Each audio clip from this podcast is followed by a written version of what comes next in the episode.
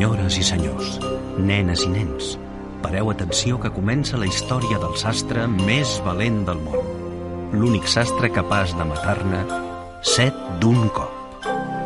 Vet aquí que una vegada hi havia un sastre que treballava al seu taller quan de sobte els budells li van començar a fer soroll. Tinc gana, va dir, i es va fer una llesca de pa amb confitura. Però abans de clavar-li mossegada, val més que acabi aquest vestit, va pensar. Per tant, va deixar la llesca al plat i va continuar cosint.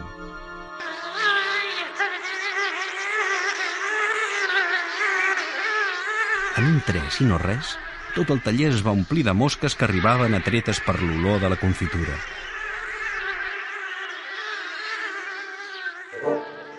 Fugiu d'aquí, empipadores! exclamava molt enfadat mentre les espantava. Però aquelles pesades sempre tornaven. Quan se'n va cansar, va passar a l'acció. Armat amb un mocador, va clavar una plantofada tan forta que va matar set mosques d'un cop. Mmm, ets un sastre molt valent, va pensar satisfet.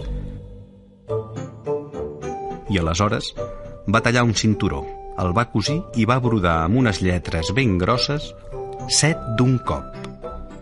Com que era un presumit, ho va explicar a tothom. Es va posar el cinturó i va sortir a córrer món.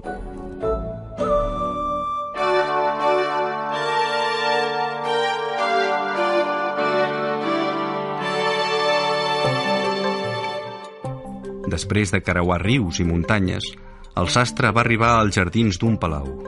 Estava tan esgotat que es va quedar adormit com un soc.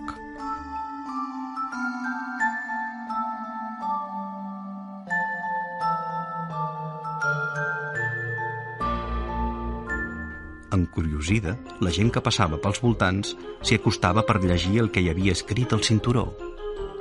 Ei, pensaven, qui deu ser aquest heroi que és capaç de matar-ne set d'un cop?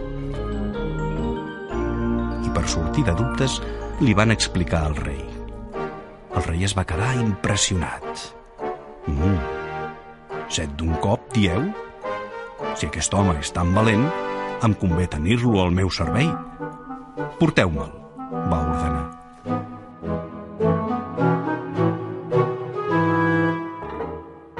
Uns patxes van acompanyar el sastre fins al saló del tron. Majestat, va dir tot fent-li reverències, estic a la vostra disposició. Al cap d'uns quants dies, el rei el va cridar per fer-li una proposició. En un bosc del reialme hi vivien dos gegants molt dolents, i si ell era capaç de matar-los, es podria casar amb la seva filla i quedar-se la meitat del reialme. Cent cavallers l'acompanyarien per ajudar-lo. El sastre va trobar que era una gran oportunitat.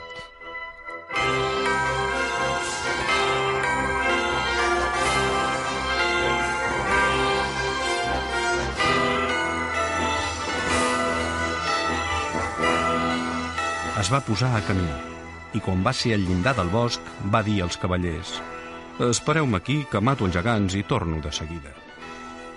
El sastre es va endinsar al bosc i al cap de poc temps va localitzar els gegants que dormien com lirons.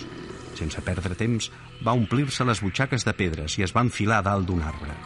Des d'allà dalt, va començar a tirar pedres al cap d'un dels gegants fins que es va despertar i de tan mal humor que es va posar a escridassar al seu company. Oh, per què em tires pedres? Tu somies, va contestar l'altre. Jo no t'he fet res. Aleshores el sastre va agafar una pedra molt grossa i la va llançar amb totes les seves forces damunt del cap de l'altre gegant. Ai! va cridar el gegant, tot gratant-se la closca. Ara veuràs! I tot d'una es van començar a clavar unes garrotades tan fortes que tots dos van caure morts. Els gegants ja estan liquidats, va dir el rei, i li va reclamar la recompensa. Però el rei s'hi va negar. I com que es penedia del que havia promès, va buscar una excusa de mal pagador. Abans de casar-te amb la meva filla, has de fer una altra proesa, va ordenar el rei. Has de caçar l'unicorn que arrasa els meus boscos. Un unicorn? No em fa cap por, va dir el sastre. Recordeu, majestat, que jo n'he mort set d'un cop. El sastre va anar fins al bosc. Al cap de poc temps va aparèixer l'unicorn, que va arrencar córrer cap a ell. El sastre no va perdre la calma. Va esperar que la bèstia fos ben a prop i llavors, d'un salt, es va amagar darrere d'un tronc i l'unicorn s'hi va estavellar amb tanta força que hi va enfonsar la banya tan profundament que hi va quedar atrapat. Ja està, va dir el sastre picant de mans quan va ser en presència del rei. Ara ja em puc casar amb la princesa. Però el rei s'hi va tornar a negar i li va posar una tercera prova. Has de capturar un enorme porc senglar que martiritza els pagesos del reialme. Després podràs casar-te amb la princesa. El sastre es va endinsar al bosc. Quan el senglar el va veure, s'hi va abraonar, però el sastre va entrar dins d'una capella. L'enorme senglar hi va entrar darrere seu. Aleshores el sastre en va sortir per una finestreta i amb un parell de salts va tancar la porta i va empresonar aquell animal tan ferotge.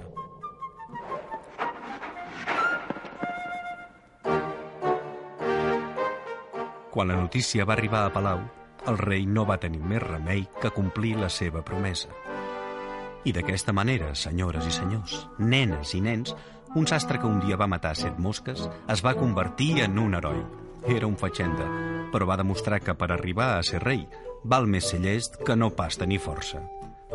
El sastre valent va ser un bon rei que va regnar durant molts i molts anys, i en tot aquell temps no es va treure mai el cinturó en què un dia hi havia brodat set d'un cop.